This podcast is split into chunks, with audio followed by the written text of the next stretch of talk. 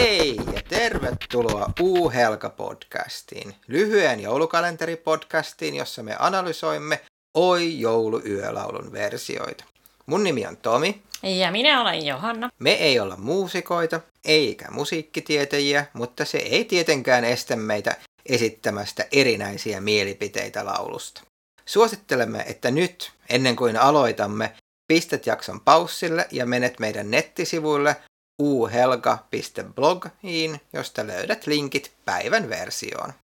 Hej och välkomna till podcasten O helga, en liten kvart där vi analyserar olika versioner av sången O helga natt. Jag heter Johanna. Och jag heter Tommy. Vi är varken musiker eller musikvetare, men det hindrar förstås inte oss från att ha en massa åsikter.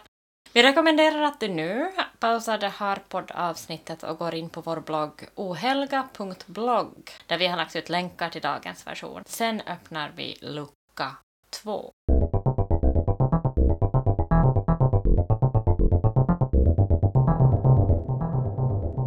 Ja nyt kuultiin laulu tosiaan Georges Tillin laulamana alkuperäiskielellä eli ranskaksi, jolloin laulun nimi on Cantique de Noël tai Minuit Chrétien. Till syntyi Pariisissa 1897 ja kuoli sitten Pariisissa 1984-87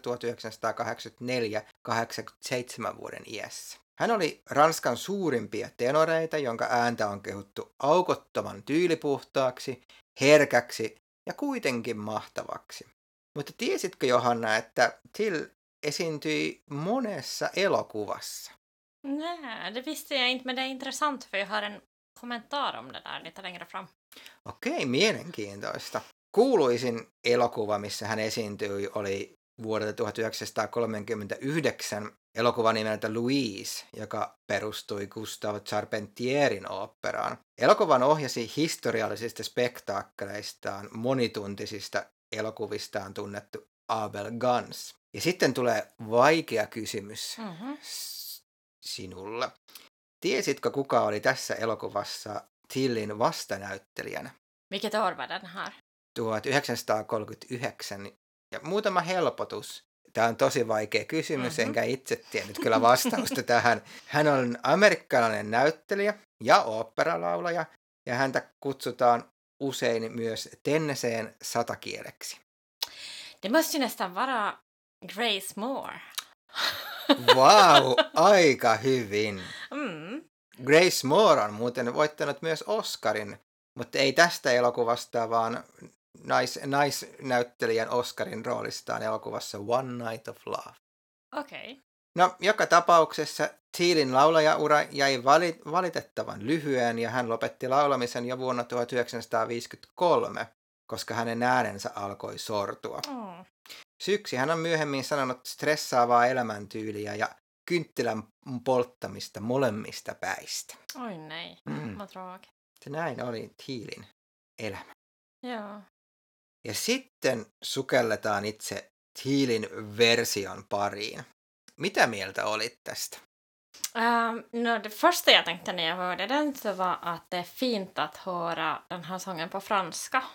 Um, fast jag vet att den är fransk så det är väldigt sällan som jag lyssnar på den på originalspråk. Sen tänkte jag att den kändes väldigt snabb men, men jag kollade att den var ändå fyra minuter. Aika jännä. Mä oon kans pistänyt, että se on tuntunut tosi nopealle, mutta joo. Mielenkiintoista. Intressant. Um, ja vad, vad tänkte du? No tota, ekana mä oon ajatellut, että siinä on vähän samaa mieltä kuin sinä, että hauska kuulla se ranskaksi. Harvemmin sitä kuulee Suomessa ranskaksi tai ylipäätään muuallakaan. Sitten tulee sellainen aika sellainen historiallinen fiilis siitä suhinasta siinä äänityksessä, että mm. kun näkee, kuulee, että se on vanha äänitys, niin siitä tulee vähän sellainen niin kuin vanha olo jollain tavalla.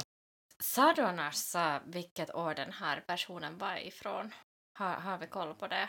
Öö, meillä ei ole tietoa siitä. Katsotaanpas. Nopea Googlen käyttö paljasti, että tämä nauhoitus oli vuodelta 1932. 1932, det, vad blir det då?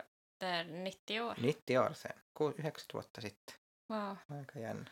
No, mulla oli vähän samanlainen kanssa toi ajatus siitä, että se, oli, niinku, se tuntui vähän, että niillä oli kiire Mm. siinä jonnekin koko ajan. Se oli se hyvin kiireinen sitten siitä kiireestä tuli sellainen pieni niin kuin humppaliike, vähän sen bum bum bum, tai sellainen niin kuin hevosella ratsastaminen, Mm. että mentiin niin kuin nopeasti eteenpäin. Mm. Se Ja. on aika jännä. Ja, jag, jag tänkte inte så mycket på hästar som jag tänkte på film faktiskt. Du Mm. nämnde det här att han var filmstjärna. Och av den där, det kanske var också den där takten som var lite snabbare. Men sen så var det också den här liksom bakgrundskören som steg fram i något skede. Mm. Som gjorde att det kändes lite så här, och var det några stråkar där kanske också? Som Mm. gjorde att det kändes lite som 50-tals så här filmmusik. Mm. Det har jag skrivit här i alla fall. Joo, aika jännä. Mm. Joo, mun, mä, mä, kuorosta tuli mieleen, että se on aika hauska, mutta se oli aika jännä se kuoron siirtyminen sitten laulamaan niin kuin korkeammalta. Mm. Mm. usein se kuoro pysyy sillä taustalla ja antaa sitä niin kuin tukea, mutta tässä mm. ne se niin kuin siirtyi sinne korkealle. Se oli vähän mielenkiintoinen veto. Ja, ja faktiskt och det här och- och jag hade också som en, en sak som jag reagerade på här så var också det här att, att det var roligt att han tog vissa partier upp ovanifrån. Alltså han började liksom högt och så gick han ner. Det, var, Mm. det var ett parti där som jag reagerade på. Ja. Mm. Joo, siinä varmaan tulee just se, että hän oli tosi taitava. Mm. Että pystyi sitä vähän Ja. miettimään eri tavalla. Sen är jag alltid också så här när det gäller körer så är jag alltid liksom lite rädd att de ska vara de här som gör att man fuskar igenom tonen. Ja sitten me päästäänkin miettimään sitä tärkeintä osaa tässäkin laulussa, eli miten meni se viimeisen jouluyön laula. Hur klarar han tonen, att sjunga sista ohelga natt, eller i det här fallet då Noel? Tonen, No,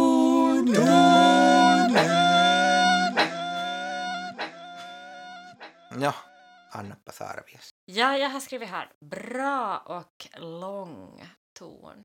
Okei. Vad skriver du? Mä oon kirjoittanut, että sen voimakas, rohkea ja mahtava. Mm.